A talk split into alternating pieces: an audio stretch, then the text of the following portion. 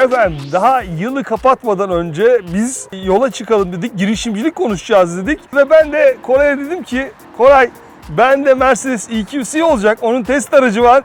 Gel onunla yapalım dedim. Ben de dedim ki abi gel hazırı var. Test aracını bekleme gel çekelim dedim. Hızlandırdık süreci. Yani Koray her zamanki gibi girişimciliğini konuşturarak bana dedi ki testi yok gerçeği var diyerek başladık.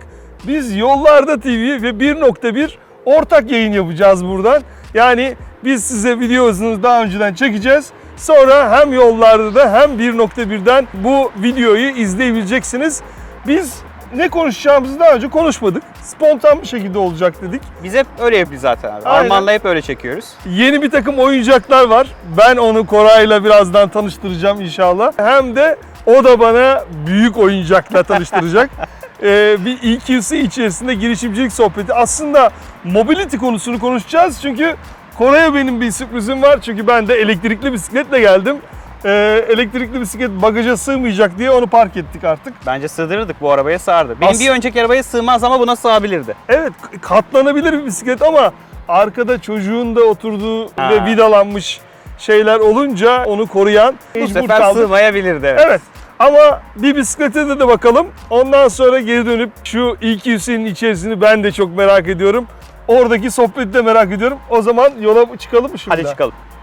Evet Koraycığım bana güzel bir sürpriz yaptın. EQC'nin içinde yolculuğumuza başladık Bostancı'dan. Öyle ufak ufak sahil sahil gidelim Sahil istersen. sahil gidelim abi. Tamam. Ee, Koray, e, bu yılı nasıl tamamladınız? Nasıl?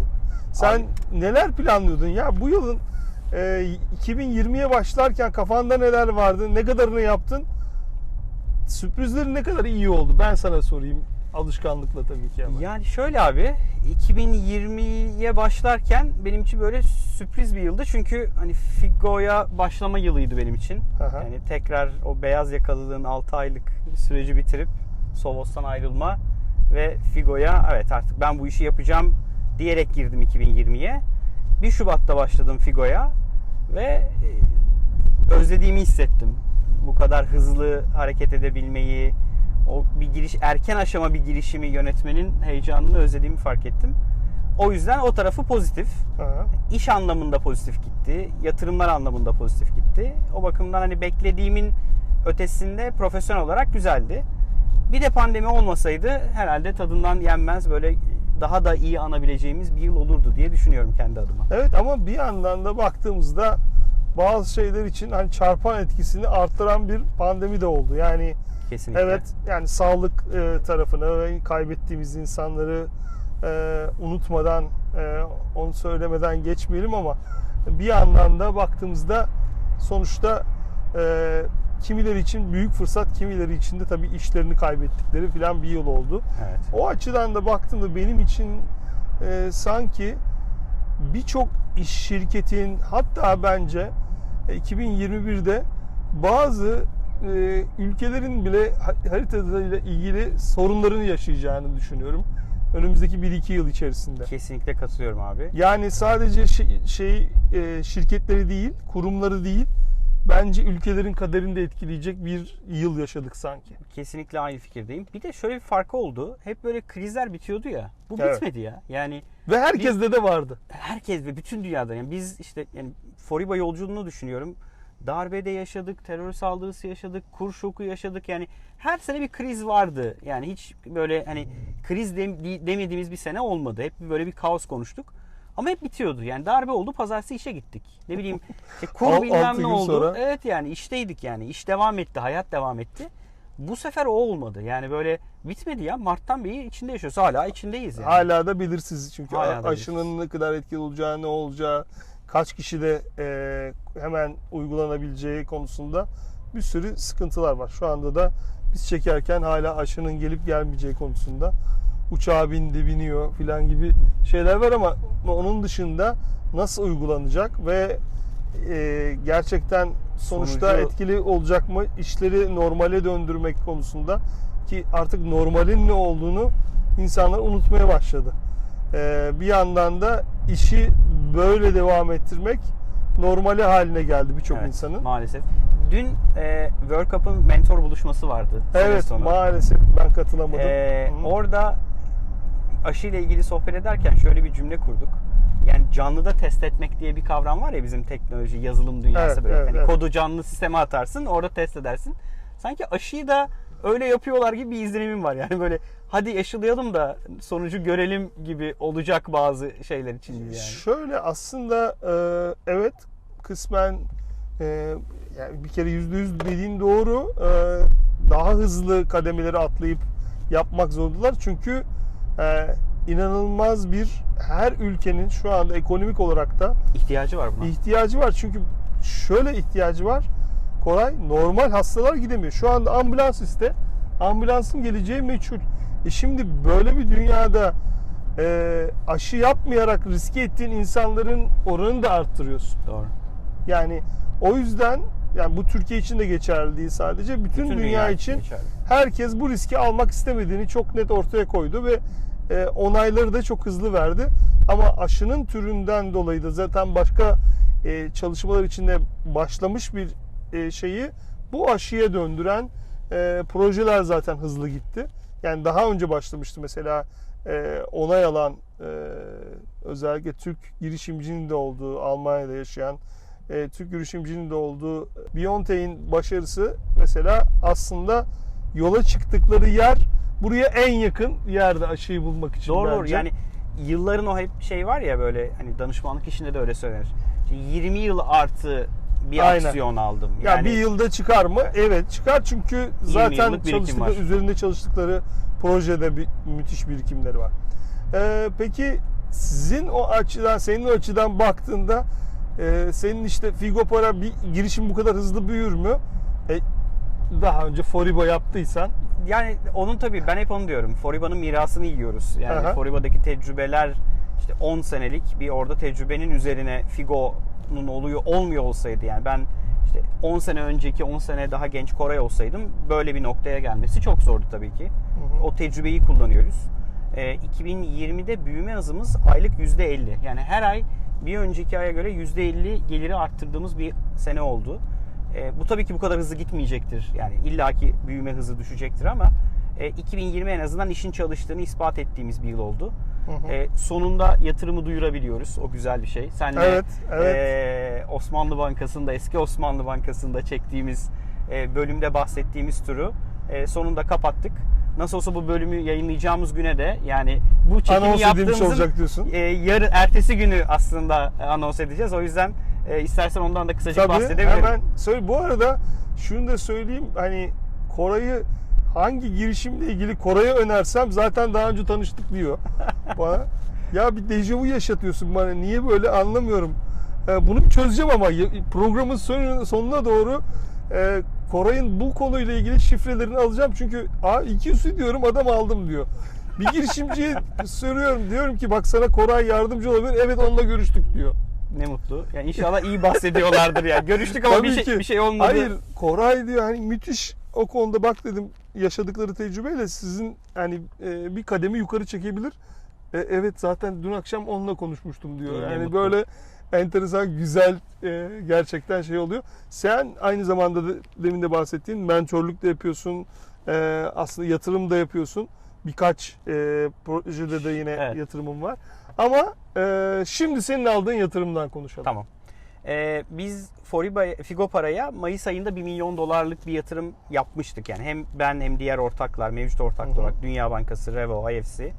Ee, şimdi e, işte tam 30 Aralık tarihinde 4.6 milyon dolar daha bir yatırım e, Hmm. aldık ve yaptık aynı zamanda. O da farklı bir durgu bu arada. Yatırım aldık diyorum ama ben de aynı zamanda yatırım yapanlardan bir tanesiyim. O da keyifli bir e, süreç aslında. Kendi şirketine yatırım yapabilme konforu. E, bu turda yine Revo Capital, IFC mevcut ortaklar ben, Ahmet, Arman yatırım yaptı. Aynı zamanda da 4 yeni yatırımcımız daha oldu. FIBA, e, Finberg üzerinden Hmm, e, evet. büyük bir yatırım yaptı. Zaten Eczacıbaşı- genel müdürü e, sevgili İhsan Ergin'e de selam olsun burada. Selam olsun İhsan'a da. Ee, Eczacıbaşı Holding'in e, Eczacıbaşı Momentum isimli yeni bir fonu var. Hı hı. Ee, o fon üzerinden yatırım yaptılar. Lima Ventures bu turda yatırım yaptı. Ve iki tane de melek yatırımcımız oldu. Ee, Kerim Şengir ve eşi bu turda bize yatırım yaptılar ve bu sayede 4.6 milyon dolar Mayıs ayındakiyle beraber toplam bu sene 5.6 milyon dolar yatırım almış olduk ve 2021'e oldukça böyle güçlü bir şekilde girebiliyoruz Süper. ve hayal ettiğimiz her şeyi 2021'de yapabileceğimiz bir güce ve kaynağa kavuşmuş olduk. Peki e, Koray bu yatırımı alırken mesela e, özellikle senle de konuşmuştuk yazın sohbet ederken Salt Galata'da Salt yaptığımız çekimde de. Hani e, pandeminin bir anda nakit sıkışıklığı herkeste konuşulan şeydi.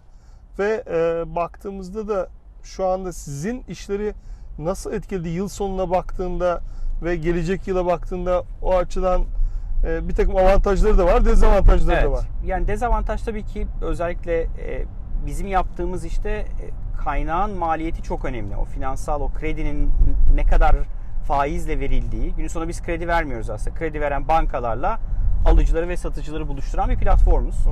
E, o yüzden o faiz oranlarının yukarıya çıkmasının doğal olarak bir negatif etkisi var. Keşke daha aşağıda olsa ve çok daha hızlı bir şekilde finansmana kavuşabilse şirketler. Ama zaten Figo faiz oranından bağımsız çözmeye çalıştığı ve çözdüğü problem insanların doğru kaynağa hızlı bir şekilde ulaşabilmesi. Yani ben sana bir fatura kestim. Sözleşmemize göre sen bana 3 ay sonra ödeyeceksin. Ama benim bugün paraya ihtiyacım olduğunda çeke senede ihtiyaç olmadan finansmana ulaşmamı sağlıyor Koray'ın. E, Timur açısından da Timur belki 3 ayda değil de 4 aya uzatma ihtiyacı var malın satın alan müşterinin. E, alıcının vadeyi uzatabilmesine, satıcının ise istediği anda faturayı tek tuşla tıklayıp tahsil edebilmesini çözdüğümüz için e, pandemi tabii ki bu ihtiyaç oranını arttırdı. Ama her zaman bu ihtiyaç var. Yani Aynen. pandemi olmasaydı da var. Bir de sadece Türkiye'de değil bu problem. Bu, bu problem dünyanın her yerinde var. Yani dünyanın her yerinde SME'ler, KOBİ'ler kaynağa ulaşmakta zorlanıyor. Ve pratik değil. Yani süreçler çok uzun, kağıt, evrak işleri çok uzun. İşte bankaya gitmen lazım, şubeye gitmen lazım. Bunların hepsini dijitalize ettiğinizde esas disruption orada geliyor. Şimdi o dijitalize etmenin altını çizelim biraz istersen Koray. Nasıl dijitalize ediyorsunuz ki sizin yaptığınız işte e, baktığında çok yıllara e, deneyime sahip olan bankalar var. Fakat Doğru. bu insanlar e, bankalarında geçtiğimiz dönemde önemli bir e, değişim zorlandılar. Niye? Pandemi sürecinde baktık ki bankalar uzaktan çalışmaya yatırım yaptılar ama belki de bazı insan kaynağından vazgeçmek zorunda kalacaklar. Ve aslında belki onları taşıyan deneyimden vazgeçmiş olacaklar. Maalesef. Ee, ama sizin yaptığınız işte bir teknolojiyle insan kaynağı birikimini nasıl harmanlayacaksınız bu gap'i kapatmak için? Yani siz aslında KOBİ'ler için nakitin hızlı dönüp herkesin yaşamasını sağlayacak e, bir akış ortamı yakalamaya, güven ortamı. Kesinlikle. Yani paranın hızlı akması için güven lazım. Güvenin oluşması için e, herkesin ticarete devam etmesi lazım. Kesinlikle. Yani bu e, ikisini birlikte döndürecek bir şeyi teknoloji insan dengesini nasıl kuruyorsunuz? Şöyle, e, bankaların bugüne kadar yaptığı nasıl bir banka kredi veriyor da bir risk alıyordu? E, gidiyordu şirketten, biz çünkü şahıs değil aslında şirket özelinde bir modelimiz var. Yani KOBİ'leri finanse ediyoruz. Ko- şirketten şunu istiyor. Bilançonu ver, mizanını ver, beyannameni ver. Bunlar kağıt. Bunlar bir muhasebe sisteminden çıkıyor. Bir standardı yok. Yani banka tek tek bunları alıp bir şekilde o kağıt olan bilgiyi tekrar dijitalize ediyor.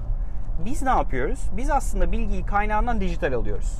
Eğer bir şirket elektronik fatura kullanıyorsa tek tuşla hiçbir entegrasyon, hiçbir yazılım projesi, hiçbir şey yapmadan tek tuşla onun bütün elektronik fatura verilerini üzerinden bir skor hesaplıyoruz.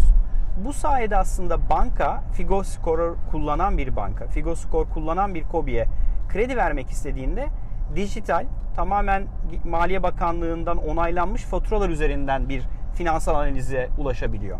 Bu sayede aslında banka e, kağıt süreci, operasyon süreci, başvuru süreci gibi hiçbir şeyle uğraşmadan tamamen yasal gerçek belgeler üzerine oluşturduğumuz Figo Score'la finansman yapma yeteneğine kavuşuyor. Önceki kağıda göre de şöyle bir avantajı var. Bir beyanname bankaya gittiğinde 5 ay önceye ait olabilir, 4 ay önceye ait olabilir. Ama bu şirket 3-4 ay içerisinde batmış da olabilir. Ya da durumu çok daha hı. iyi olabilir. Figo Score onu sağlıyor. Yani ticareti bir şirketin iyi mi gidiyor, kötü mü gidiyor, riski ne kadar yüksek, ne kadar düşük. Bu sayede riski düşük olan bir KOBİ'nin çok daha ucuz maliyetle finansmana ulaşabilmesini de aslında önünü açıyoruz bu teknolojiyle beraber. O zaman Koray sizin yaptığınız yani teknolojiyle beraber aynı zamanda ve hangi şeyin o kobinin sağlıklı ilerlediğini görme, fotoğrafını çekme e, ya da MR'ını çekme. Artık çünkü bütün Doğru. her şeyiyle e, kurumun içinde gibi. E, o zaman siz aslında bir deneyim eleman, bankanın elemanı bulunduruyormuş gibicasına şirketin içinde, onay verdiği şirketin içinde öyle çalışıyorsunuz. Aynen öyle ve Bu metriklere sahip olmak zorundasınız ki e, kullandığınız bütün yazılımların e, o kredi riskini ortaya çıkartıp doğru e, sonucu versin. Böylece kişiye bağlı kalmadan kesinlikle çözüm üretmek aslında Ve- tamamen. insight da veriyoruz. Yani diyoruz ki bak senin puanın bu yüzden düşüyor. İşte tahsilat Evet. hızın yavaş ya da dikkat et şurada nakit akışına problem yaşayacaksın. Yani senin sen e, faturanı aylık kesiyorsun ama 3 ayda tahsil ediyorsun. Ödemelerine baktığımızda, alacağına baktığımızda şurada nakit akışı problemi yaşayacaksın. Aslında şeffaf verme. bir şekilde kullanan Aynen kişi öyle. için de e, rahatlıkla niye kredi alamadığını, sorunun ne olduğunu e, çözmesi gerekiyor. Peki e, yani aslında bunu kullanabilmek için de e, peki başlarda bir mentorluk ya da birbirini önermeler başladı mı? Çünkü asıl belki de sizin işin başarısını sağlayacak olan birinin bir başkasına önermesi. Doğru kesinlikle. Başladı. Ee, senenin başında bizim birkaç yüz Kobi kullanıyordu bu platformu. Şu an 2000'den fazla Kobi bu platformdan kaynak yakaladı bugüne kadar. E, ve 1.2 milyar TL finansman sağlanmış platform üzerinde. E, bu bizim için çok büyük bir gurur. Yani amacımız bunu önümüzdeki sene 2 milyarın üzerinde yıllık bir hacme getirebilmek. E, inanılmaz bir talep var. Yani aslında bizim operasyon ekibimiz e, her gün ya işte faturamı onay alabilir miyim? İşte faturam var, şunu yapacağım, ödemem var, ne yapmam lazım? Biz de mümkün olduğu kadar fazla finansal kurumu sisteme çekip aslında bu işi uçtan uca dijitalleştirmeye çalışıyoruz. E, biz mutluyuz. Bizimle çalışan KOBİ'ler mutlu. Bankalar mutlu. Bugüne kadar 1.2 milyar Ha, onu TL'de soracaktım. Bankalarda mutlu mu? Evet çünkü 1.2 milyar TL yaptığımız finansmanda, bankaların yaptığı finansmanda batık oranı bugün sıfır. Yani hiçbir banka 1.2 milyar TL Figo'dan verdikleri bugüne kadarki parada hiçbir batık yaşamadılar. Ee, o yüzden bankalar da mutlu. Yani herkesin gerçekten kazandığı bir platform ortaya koyabildik gibi gözüküyor. Vay be. Yani e, demek ki aslında riski minimize edecek şekilde onlara e, neredeyse sunduğunuz çözüm bir garanti sağlıyor Aynen demek öyle. ki. Aynen öyle. E, o zaman bu belki çığa dönüşme yani o kartopu etkisini yaratma şansını yakal ne zaman yakalar? E, bence bu sene kartopu yuvarlanmaya başladı. Ha. 2021 artık onun çığa dönüşeceği yıl olacağını ümit ediyoruz. Bütün ekip, e, bütün hazırlıklar ona göre. Özellikle Figo Score'u biz Ocak ayında açıyoruz. Yani ilk kez bu, bu arada kapalı beta çalışıyor sistem. Yaklaşık 50-60 tane, 100 tane Kobi bu platformu denedi son 1-2 aydır. Hı hı. Ocak ayının ortasından itibaren bunun lansmanını yapıp artık e-fatura kullanan herhangi bir şirket Figo'ya gelip kaynağa erişebilir hale geliyor olacak. Hmm, O zaman e, yani aslında çığa dönmesini sağlayacak yani bu kar topunun büyümesini sağlayacak olan e, güven ortamı oluştuysa hele böyle bir dönemde Evet. Böyle Yani- bir dönemde. E, böyle bir dönemde güvenin ne kadar altın değerinde olduğunu herkes çok iyi biliyor. Ki bu arada altın değeri dedik de e, altın gerçekten bu dönemde herhalde e, hiç olmadığı kadar yüksek bir şey artış da yaşadı yani her şeye rağmen. Kesinlikle öyle. Peki abi ben sana soru sorayım o zaman biraz Evet. istersen. Tabii. Yollardayız nasıl. Yollardayız şimdi. Ben de bir ben de bir birazcık rol almak istiyorum. Tabii ki tabii Senin için 2020'deki en önemli teknolojik böyle yaptığın işe bakınca eee, olay neydi? Sonra ürün soracağım. Yani o yüzden Ha, ürünü tamam. ürünü bir kenara bırakıyorum. İkinci olarak da böyle bu Şimdi- sene sende iz bırakan ürünler neydi soracağım. Şöyle ben e, aslında şunu fark ettim. Ben geçmişe doğru dönmeye sağladı. Neden dersen o kadar hızlı yaşıyormuşuz ki seyahatler bilmem neler filan. Benim için hayatımın en önemli şeyi seyahat etmemek oldu. Değil mi ya? Tamam Bir e, 1 Mart'tan itibaren seyahat kesildi. 10 1 Mart'tan bu yana uçağa binmiyorum. Yani hayatımda bir ay binmediğim dönem olmadı. Aynen. Benim de Şöyle öyle. söyleyeyim. Bir ay binmeyen, e, binmediğim dönem olmadı diyen insan şu anda e, bu, bu pilotlar da dahil buna yalnız. Evet ya. Neredeyse biz öyle bir dönem yaşıyoruz ki pilotlar bile uçamıyor yani bırak şey bizim uçmamamızı. o yüzden en önemli şey değişiklik buydu. Fakat bu değişimde e, ben hayatımın en güzel projelerinden birini yaptım. Dijital Rehberler diye bir Çok güzel. Keyifle e, proje. izliyorum. Aynen. O e, şeyde e, pandemi döneminde başlayan hikaye tamamen spontan gelişti her şey. Benim e, Instagram'da yaptığım bir canlı yayına e, turizmci bir arkadaşım şuraya gider misin buraya gider misin derken işin içine rehber arkadaşlara katıldı. E, sonra turizme bir belki de hareket getirmesini sağlayacak bir proje için bir araya geldik ve inanılmaz bir proje çıktı. Belki de 1.1'in e, doğmasını sağlayan ve farklı kanallardan insanların buluşmasını, dijitalle gelenekselin buluşmasını sağlayan adım attık. Ama en önemlisi geziler sırasında müze ziyaretlerine başladık. Sonra biraz hani e, yasaklar kalktıktan sonra müzelerin içine girdikten sonra orada ben şunu düşündüm hep. Türkiye neden çok değerli insanları olmasına rağmen bir Batı Avrupa ülkelerindeki gibi ba- bazı ülkelerdeki gibi hiç sıçrama haline getirememiş. Mesela Evet. bilgisayar, yazılım, donanım, veri yani Türkçesini bu kadar erken bulan başka ülke yok. 1960'lardan sonra yani 1970'lerde Bilişim Derneği'nin kurulması, bilgisayarın e, 2019 yılında 50. yılıydı Koray. E, Profesör Doktor Aydın Köksal Hoca'yı anmadan geçmeyelim burada. E, bana da mesleğimde ilham veren kişilerden biridir. E, sonuçta o anı ar- ararken hiç ummadığım bir alanda dijital rehberlerde e, bir baktım Altan Gürman diye e, benim de daha önce duymadığım, tanımadığım e, bir tane e, özellikle Mimar Sinan Üniversitesi'nde de modern sanat eğitimini başlatan bir hoca, aynı zamanda sanatçı. Evet. Modern e, resim sanatının öncülerinden Türkiye'de. Fakat maalesef 41 yıllık kısa bir yaşamı olmuş. 1976'da kaybediyoruz. Altan Gürman'ın şöyle bir farkı var. Ee, 1960'lı yıllarda Paris'te eğitime gidiyor. Şimdi aynı dönemde belki bir- birkaç yıl sonra e, Profesör Doktor Aydın Köksal Hoca da Fransa'da eğitime gidiyor. Şimdi biri döndüğü zaman Genelkurmay'da e, alınan bilgisayarı o zaman mainframe alınıyor. Onu Türkçeleştirmesi lazım kullanabilmesi için insanlar.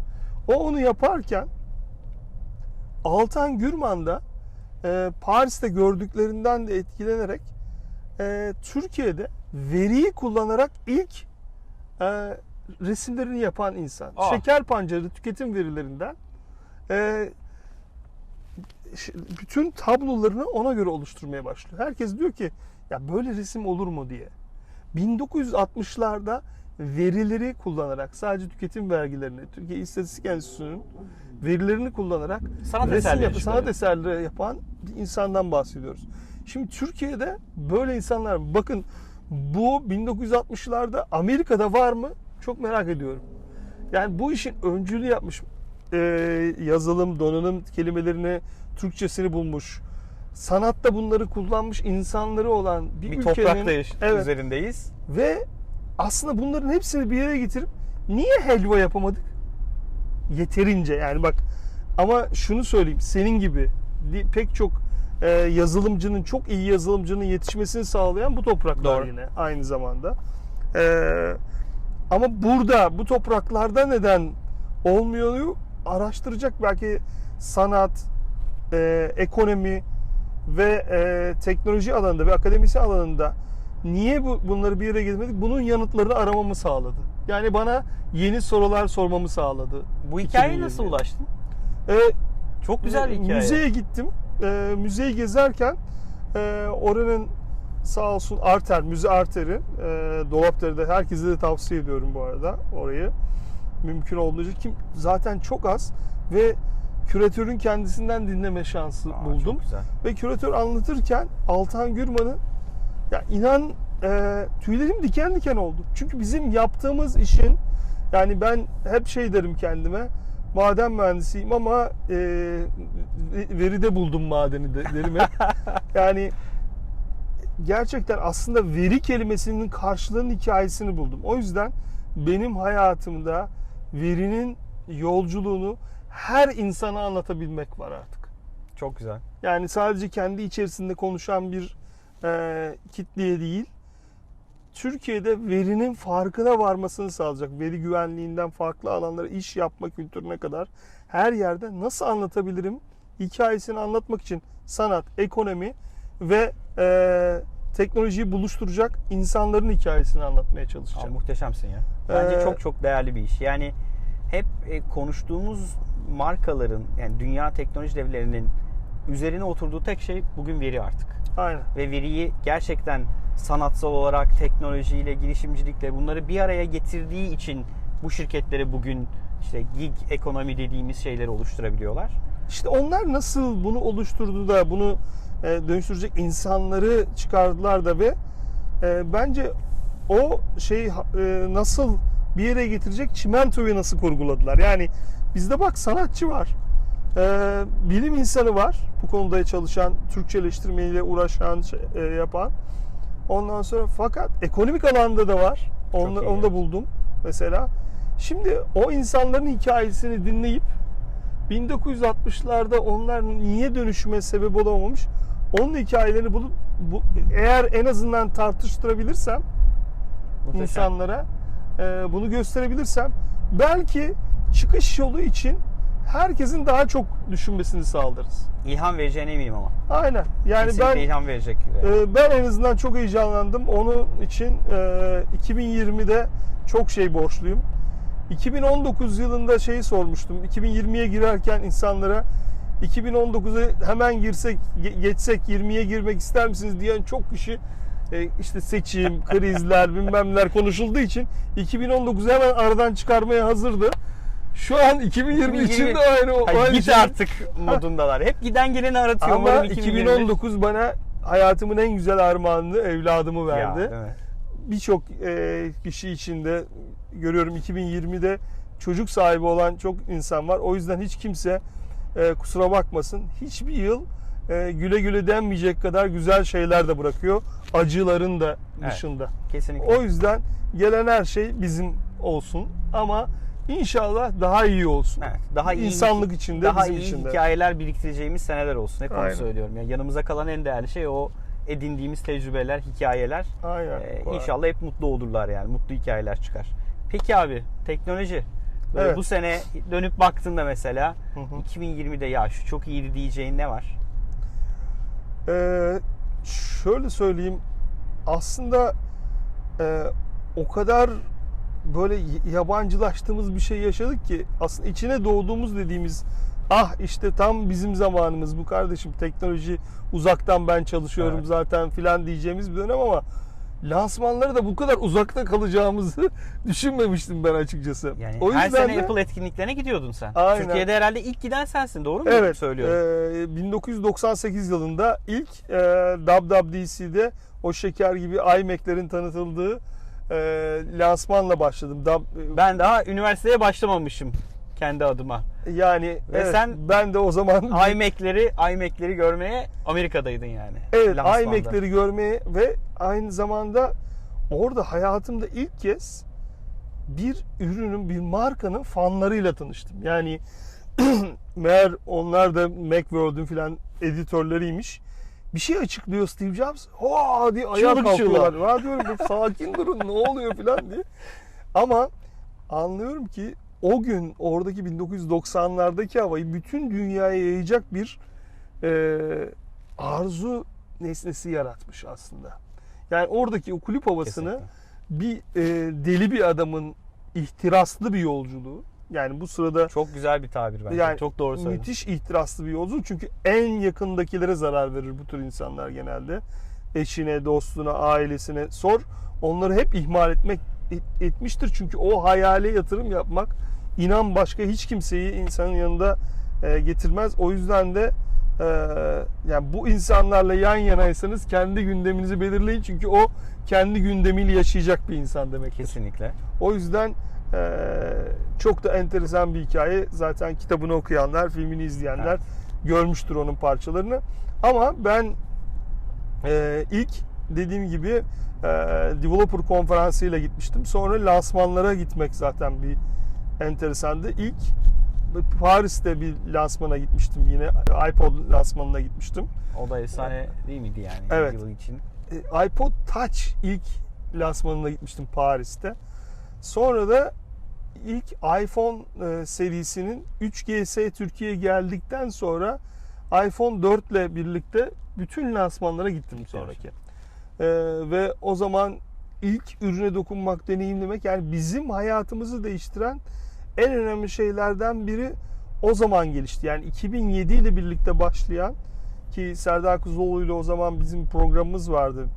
Ee, anlattığım da bir hikayedir bu. Ee, genelde ee, Serdar'la biz Tekno Sohbet diye programa başlamıştık. YouTube'dan etkilenip YouTube'un lansmanına gitmiştik 2006 senesinde çünkü. Abi çok iyi. Dedik ki ya adam e, işte arkadaşların doğum günü için böyle bir şey planlıyorsa biz program yapıyoruz televizyonda.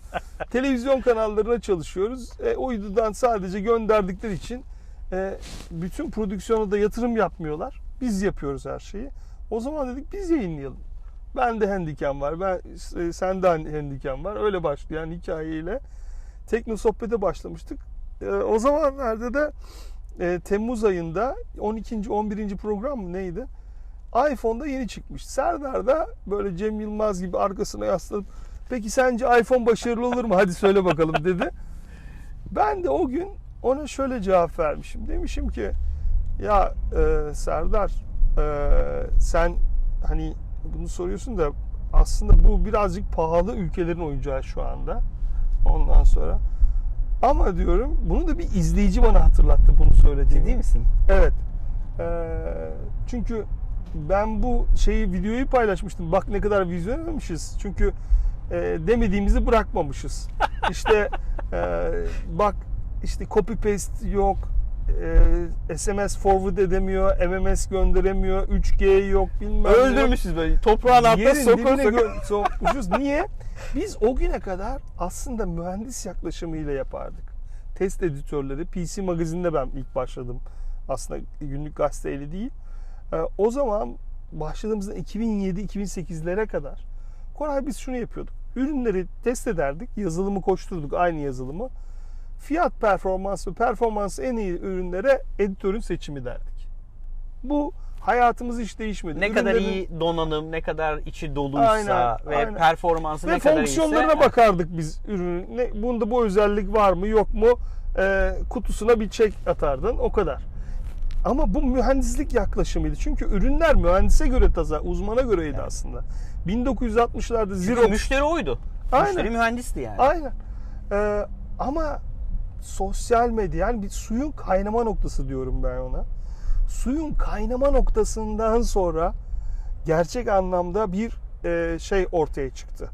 Ee, Yıkıcı bir başlangıç oldu e, yani. suyun kaynama noktası şu. internetin, hızlı internet bağlantısı, mobil, dokunmatik ekranlar, sosyal medya, benim annemin babamın dahi e, kullanmasını sağlayacağı basit arayüzler, e, işlemci gücü, cloud computing hepsi 2007-2008 arasında.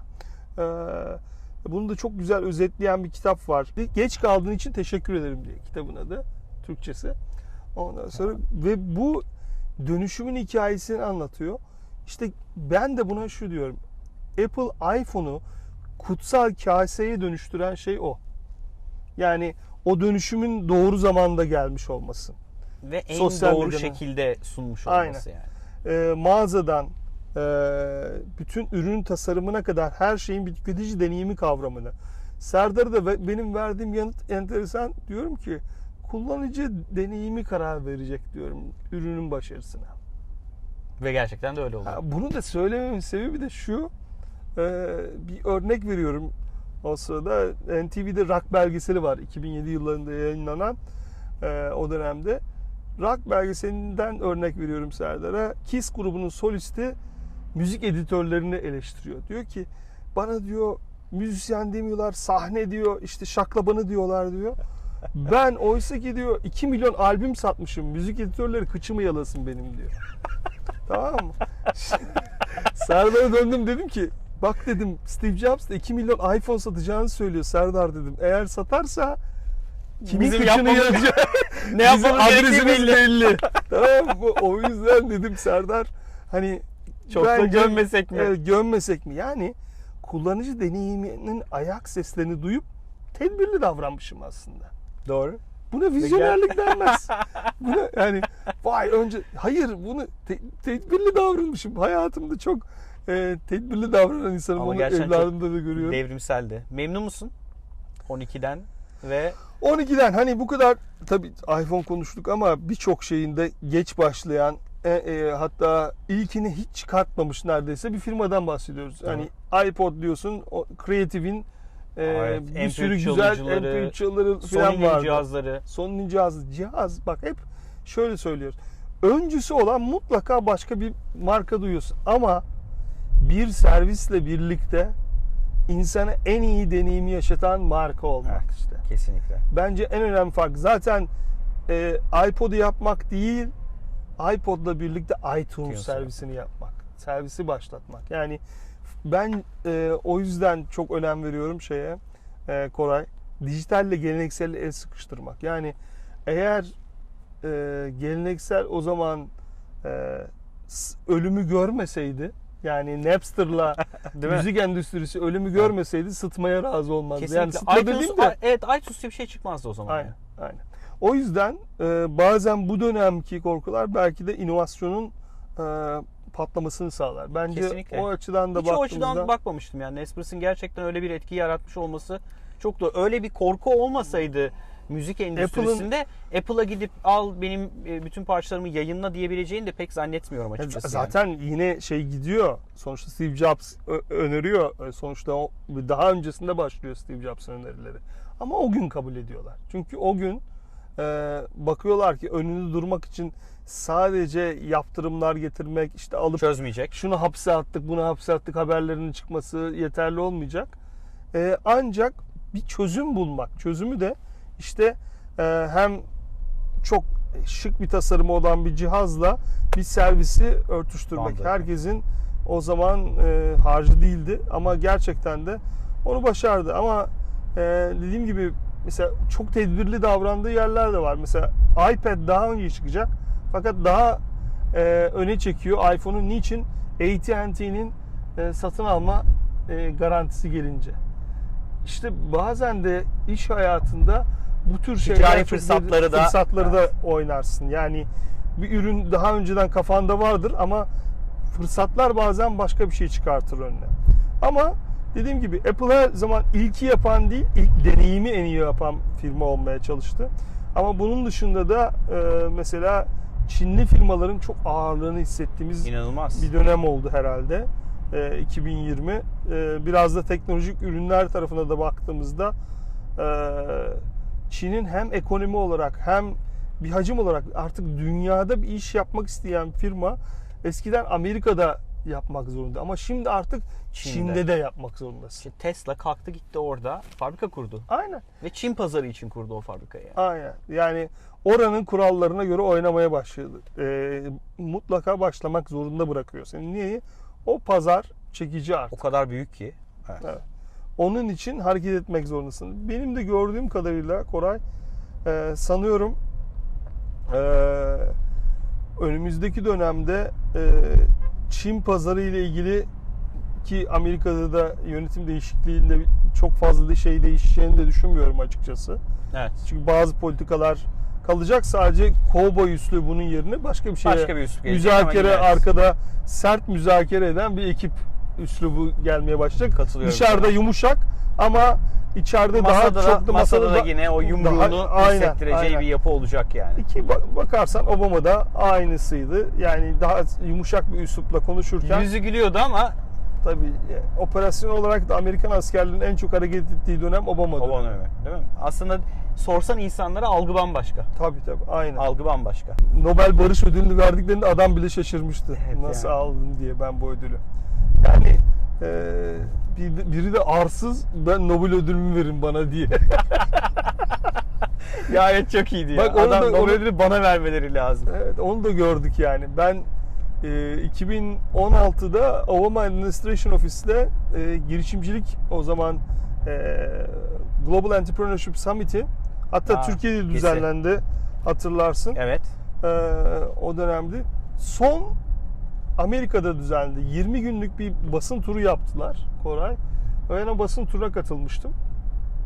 O zaman benim de hayatımda en önemli e, ve en çok öğrendiğim seyahatlerden biriydi. Çünkü bütün ekosistemi gazeteci, e, üniversiteler, girişimcilik kuluçka merkezleri mesela Boston'dan başlayıp böyle San Francisco ve Silikon Vadisi'nde biten ve son 3 günde Stanford Üniversitesi'nin kampüsünde yaşadığımız e, müthiş bir 20 günlük deneyim. Dünyada Muhteşem bir 14 tecrübedir. gazeteci. Muhteşem bir tecrübedir. Ee, bizim için müthiş bir tecrübeydi o açıdan baktığımızda ve Amerika o zaman girişimcileri Amerika'ya çağırıyordu. 6 ay sonra gelen adam ne işiniz var burada dedi. Şimdi tabii diyorum ya üslup ve şey ya? aslında Amerika'yı Amerika'da var eden hep oraya dışarıdan Immigrantlar. gelen girişim evet onu olduğunu e, çokça görüyoruz aslında hikayelerinden filan. Steve Jobs'ın bile şu an konuştuğumuz çok çok konuştuğumuz ismin bile öyle. E, programda çok Bitcoin konuşuyor diye sohbet ediyor musunuz? Kulağını çınlatalım Arman'ın. Ben de çok Apple demiş olmayayım diye e, açıkçası e, sadece dönüşümü yaratan firma olarak çok kesinlikle. önemli Yani bugün olduğu için yani vurgulamak lazım. sosyal medya dediğimiz şeyin bu kadar patlamasına en büyük etkenlerden bir tanesi kabul edelim Apple yani. Yani bu kadar Apple bu işe girmemiş olsaydı, iPhone gibi bir ürün çıkmamış olsa, önceki akıllı telefonlarımızı düşün. Yani Nokia'nın telefonları ya da yok muydu işte Windows mobile'larımız vardı yani. Yine Tabii. dokunmatik ekran Ama- ama, kalem böyle dokunmaz. Yani o kullanıcı tecrübesi çok eksikti yani. Tabii biz buzdağın üstündekileri konuşuyoruz ama bazen e, çokça tüketici onları merak ettiği için ama buzdağın altında aslında Amazon Web Services gibi yani Amazon'un Evet. com'u daha çok bilir insanlar alışveriş yaptıkları siteyi. Ama buzdağının üstündekidir o. Halbuki daha karlı ve daha e, dünyayı dönüştüren şirket Amazon Web Services'dir. Kesinlikle. O da muhteşem bir hikaye. Müthiş. Muhteşem bir yani hikaye. bence cloud'un zaten asıl o yüzden en önemli deneyimi geliştiren e, bulut teknolojileri konusunda Amazon. Evet. Yani kendi derdini çözmeye çalışırken bulduğu ilacı ha, e, Bütün bu sefer ticarete dönüştü. evet, Aynen yani yeteneği. yeteneği. Müthiş. E, o açıdan baktığımızda aslında o dönemde etki yaratan Google gibi, e, Amazon gibi ya da Facebook gibi sonuçta bütün dünyadan milyarlarca insanlık bir topluluk yarattı. İnanılmaz ya. Yani Dünyanın en büyük devletleri bunlar yani aynen. şu an. Şimdi ne yapıyorsun? Ne yapıyoruz zaten aslında pandemide de ortaya çıkan yeni topluluklar, mikro topluluklar oluştu. Davranış Kesinlikle. biçimleri, hayat biçimleri oluştu. Şimdi ben Amazon'un toplantılarına da gidiyordum ki bu sene ilk kez gidemedim. E, 6. sene olacaktı bu. Geçtiğimiz yıl e, yani son gittiğim Amazon Reinvent dedikleri bir to- toplantı yapıyorlardı. 65 bin developer geliyordu. Koray 65 1700 bin. dolar para ödeyip e, minimum 5 gün kalan 5-6 gün orada toplantılara gidiyorlar. Sabahtan akşama kadar. E, otel ve uçak masrafları hariç 1700 dolar toplantılara katılmak için ödüyorlar. Bu işte dünyayı dönüştürme gücü diyorum ben buna. Dünyanın bunu her hiçbir firmada da yerinden- görmedim böyle büyük Dünyanın gücünü. her yerinden böyle bir geliştirici gücünü alıyorsun Aynen. ve kendi platformunu anlatıyorsun ve o geliştiriciler, o ekosistem, o teknoloji şirketleri onun üzerinde büyüyorlar. Aynen. Muhteşem bir şey değil mi? Yani Müthiş. Yani diğer taraftan da baktığımızda e, yine e, yani dünyayı dönüştüren her şeyi Facebook'u dediğimiz gibi toplulukla oluşumu, Instagram'la, WhatsApp'la bugün inanılmaz bir yerde. Çinli Alibaba e, şimdi gerçi yılın sonunda onlar yılın da sonunda bir, evet yani Evet. IPO'ya gideyim derken adamların yaşamadıkları kalmadı yani. Aynen. O yani e, önümüzdeki dönemde bayağı bir firmanın aslında e, hem sorun yaşayacağı çünkü bahsettiğimiz veri üzerinden yapılan e, ticaretin büyüklüğü o kadar İnanılmaz boyuta. hale geldi ki hem ülkeler regülasyonları çok etkilemeye başladı ki regülasyonla çok iş yapan biri olarak sen de bunun farkındasındır. Ee, regülasyonlar doğrudan çok etkili oldu.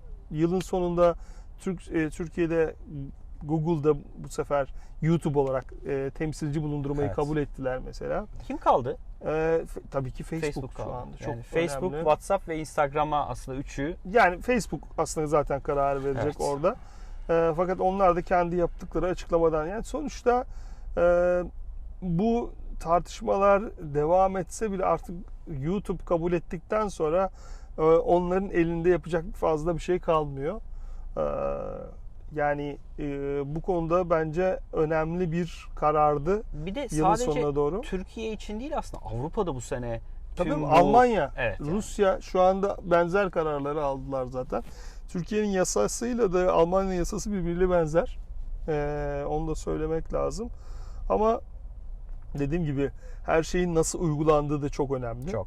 Ee, zaten şu anda da e, en çok tartışılan konu, en çok güven unsuru oluşturması gereken e, konu, aşmamız gereken konu da bu. Güven Türkiye ile e, Türkiye'deki konuda bu konuyu hem ticareti olarak da ihtiyacımız Kesinlikle. var. Yani girişimcilik ekosistemi için çok önemli, gelecek yatırımlar için çok önemli, exitler için çok önemli. Yani diyorsun ya bak gelecek gelecek için çok yani gelecek ne? Benim senin benim çocuğumuzun geleceği Kesinlikle. eğitim için çok önemli. Kesinlikle. Yani o yüzden e, mutlaka e, bu konuda daha fazla güven arttıracak şeylere devam etmek gerekiyor. Aynı fikir. E, bu konuda kendi geleceğimizi ve daha fazla insanın, dünyadan insanın geleceğini burada görecek bir e, Ortam güven yaratmamız lazım. ortamı yaratmamız Kesinlikle. lazım. hep Yani- beraber. Ee, ilk San Francisco'ya gittiğimde e, Palo Alto'da bir, bir yatırım için Figo'nun bir e, Foriba'nın bir yatırım turu için gitmiştim. Orada bir sürü yatırımcıyla görüştüm. Ee, ve yine Türkiye'de o dönem yine bir olaylar var. Bir saatlik görüşmelerin 40 dakikası ben Türkiye anlatıyorum. 20 dakikada işi anlatıyorum. Neyse bir toplantıdan çıktım. Başka bir toplantıya gireceğim. Bir küçük bir kafeye oturdum. Bir yandan mail cevaplıyorum. Bir yandan da bir şeyler atıştırıyorum. Sonra bir durdum. Etrafıma baktım. Herkes teknoloji konuşuyor. İşte yanımda iki tane bir Hintli bir e, Çinli bir kız var. İşte web servisin bilmem ne teknolojisi konuşuyor. Yan tarafıma kulak kabartıyorum. Orada işte yatırım alma konuşuyor. Ya inanılmaz bir ortam. Ya sokakta bir kafedeyim yani. Alelade bir kafedeyim. Ama herkesin hayatı ya teknoloji ya kendi girişimi, bir şekilde para almak, yatırım yapmak, işi büyütmek inanılmaz bir kültür var. Çok etkilenmiştim ben orada. Yani böyle böyle bir ortam ve dönüyorum Türkiye'ye bakıyorum. Yani Türkiye bu tarz insanların yaşaması için muhteşem bir yer.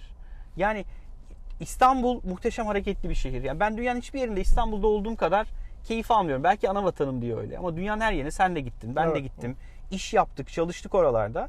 E, ama buradaki konfor ve buradaki aslında erişilebilirlik, hayatın aslında görece ucuz olması yurt dışına göre.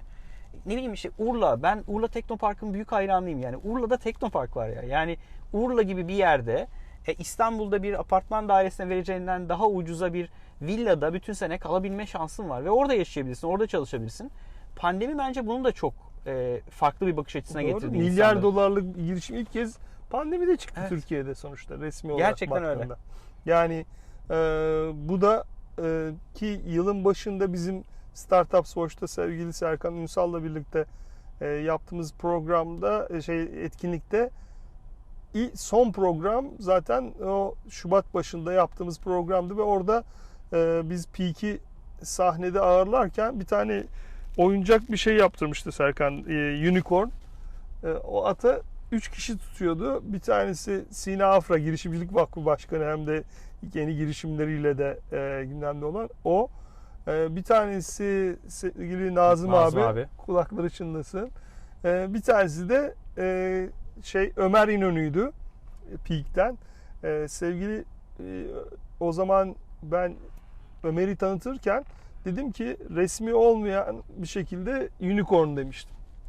Ve sonuçta da resmiyet Evet. de kazandı. Türkiye'nin en büyük exit'i. Yani Aynen. tartışmasız. yani şu anda e, oyun girişimleri, oyun stüdyoları açısından Londra'dan sonra ikinci büyük şehir diye bakılıyor İstanbul'a. Onlarca, yüzlerce oyun Evet. şirketi kuruldu. İzmir dedin sen mesela Müthiş. ben İzmir'de İzmir Belediyesi'nin de desteklediği bir etkinliğe katılmıştım.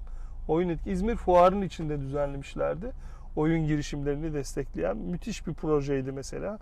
Ee, İzmir inanılmaz yazılımcı. Ankara hakeza. Ankara'daki mühendislik kalitesi Müthiş. muhteşem yani. Evet, yani o, tabii ki Onu sağlayan da ODTÜ Oradaki gibi. üniversiteler. Yani, Yani ODTÜ, bi- Bilkent, oranın bilişim Hacettepe. vadisi. Gerçek Aynen. Silikon Vadisi Türkiye'de Aynen. orası yani. Ya tabii işte biz bazı şeyleri böyle isimlere atfetmeyi seviyoruz ama sonuçta e, hani onun da içimde kalmasını söyleyeyim.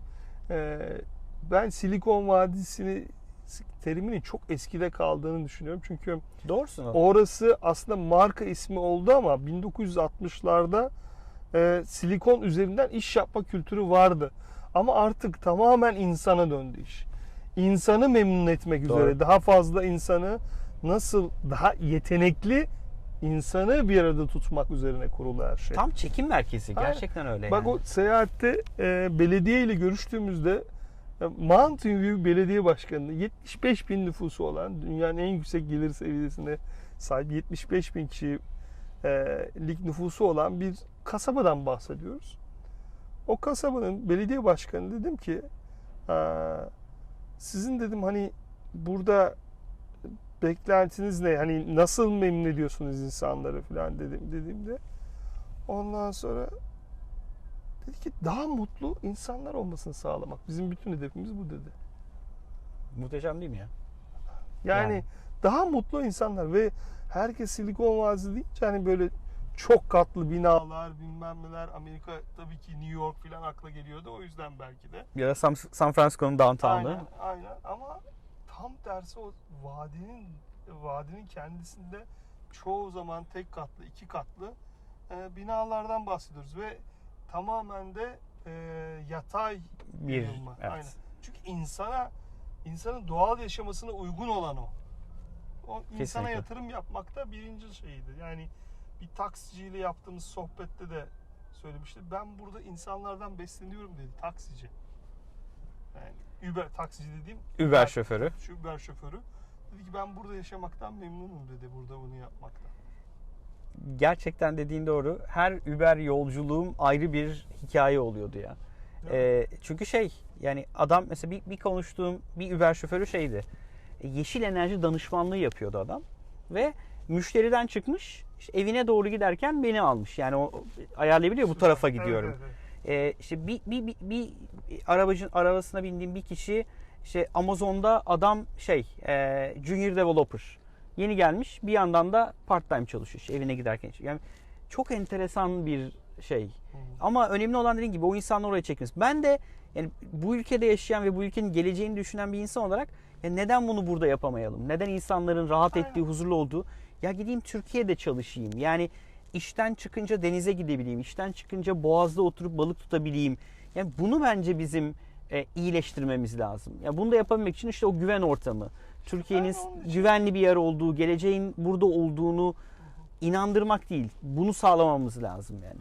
Valla ben onun için Koray iki tane şey görüyorum. Ee, onu izlemek için ee, gösterge var. Ortak aklı merak ediyorsan nasıl işlediğini bir ülkede trafiğe bakacaksın. Değil mi? Bireysel aklı ve matematiğe yapılan yatırımı görmek için de ekmeğin kalitesine bakacaksın. Çok iyi. İkisinin e, Bunu kullanırım abi. Çok güzel. Mesela bunun ikisini e, biz yukarı çekebildiğimiz sürece yani e, sanıyorum bu iki dert birçok derdin bittiğini bize gösterecek. Yani birlikte yaşama kültürünü çözmemiz gerekecek. Doğru. Ve e, bireysel olarak matematiğe yedir. ya- Yani şundan bahsediyorum. Gramajı sürekli çalınan ucuz diye yediğimiz şey aslında o kadar gram değil. Doğru. Aynı büyüklükte gözükse de. gözümüz sürekli aldanıyor. Matematiğimiz de az olduğu için kaç gram maalesef kötü olduğu için de matematiğimiz kaç gram ekmek Ne yiyoruz? ve nasıl içinde hangi unun olduğunu ve e, bilmediğimiz bir ekmeği yemeye devam ediyoruz. Çünkü Maalesef. matematiğimiz kötü. Gerçekten öyle. Hiç bu açıdan bakmamıştım buna yani. Yani o yüzden e, sanırım ama tabii ki e, şeyde San Francisco'da anlattık Silikon Vadisi ama güllük gülistanlık da değil. Hiç Müthiş değil. bir e, homeless ve sokakta değil. yaşayan insanlar ve şu anda da pandemiden dolayı Daha da e, büyüsünün de bazı noktalarda kaçtığı bir şey dönem yaşıyorlar. Çünkü müthiş yüksek vergiler var aslında. hayat inanılmaz pahalı. Aynen. Yani dünyada yaşamak için en pahalı yer. Aynen. O yüzden de birçok e, kampüsü orada olan şirket bu sefer ben kampüsü niye burada tutuyorum dedirttiler herhalde. Ve bu sene birçok birçok büyük şirket de merkezini taşımaya karar verdi. Evet. Mesela e, Elon Musk yanılmıyorsam Texas'a mı taşındı? Evet. Ee, Yani hepsi iyi teklifi aldıkları başka, Başka eyaletlere gidiyorlar. En azından zaten bunu vergi için headquarter bir kısmını taşımış olanlar vardı. Ee, fa- farklı vergi avantajları için ama şimdi çalışanlar da bireysel olarak diyor ki ya ben uzaktan burada çalışacağım ha. çalışabiliyorsam daha az vergisi olan bir yerde yaşar orada çalışmaya devam eder. Apple'da çalışan bir arkadaşımız var. Ee, patronu normalde San Francisco'da. Bu Apple Park'ta çalışıyordu bu ekip ama Apple Park şu an kapalı olduğu için, herkes evden çalışmaya devam ettiği için adam San Francisco'daki evini kapatıyor. Ee, New York'a ya da Boston'a taşınıyor ve hani şey açılıncaya kadar, ofis açılıncaya kadar başka bir şehirde yaşayıp çok daha ucuza, çok daha rahat bir yaşamım var diye adam San Francisco'dan taşınıyor. Amerika'nın başka bir eyaletinde çalışıyor şu an. Çok çok garip Yani yani. Evet orada da bence taşların yeniden oynayacağı bir dönem yaşıyorlar e, sonuçta. E, bakalım pandemiden sonra 2021 bence e, Nelere nelere gebe. bilmemize rağmen de müthiş sürprizleri barındıran bir yıl olacak. Yani bak, Kesinlikle. Şey gibi diyorum. O yüzden sürekli yeni çocuklar oluyormuş gibi düşünmek lazım. Çocuk büyütmek de öyle ya. Hani her şeyi bilirsin, hesaplarsın ama sana mutlaka sürpriz yaşatır. Evet. Kesinlikle. İşte o yüzden de e, yeni değişimler ve şeyler olacak. Kendi bir konforumuz alanımızdan çıkmamız gerekecek bir yıl olacak yine. Yine Evet. 2020'den daha bence Evet, daha da sert olacak. daha da sert olacağını düşünüyorum. Benim de kişisel görüşüm o. Ama işte o sertlik de fırsatı da getiriyor. Aynen, Yani o aynen. yüzden özellikle hani girişimcilik ekosistemi için bakınca 2020'de bu kadar kaosa rağmen çok güzel şeyler oldu. E, Türkiye tarihinin en çok yatırımını aldığımız sene değil mi? Aynen, aynen. Yani aynen. ve fırsat olarak önümüzdeki 4 senede 400-500 milyon dolar daha yatırım yapılacak. Biz Bu VC'ler, bunun dışında melek yatırımcılar bilmem ne koyduğumuzda önümüzdeki sene 2020'den daha fazla yatırım alma potansiyeli var girişimlerin. Bu treni yakalamaları lazım bence. O yüzden de buna iyi hazırlanmak, gerçekten odaklı çalışmak, gerçekten hedefe bakmak bence çok şey değiştirecek ve çok çok güzel işler duyacağız bence önümüzdeki sene. evet, yolda olmaya devam o zaman. Yolda olmaya devam.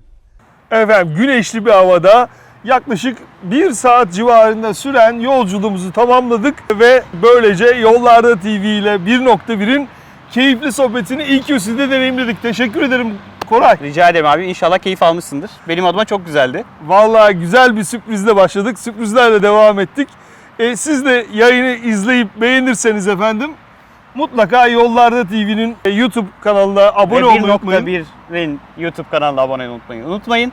O zaman 2021 yılında girişimcilerin de yolu açık olsun. Figo paranın da yolu açık olsun. Başarılarla dolu, bol exitli, bol yatırımlı bir sene olsun Türkiye için abi. Hadi bakalım.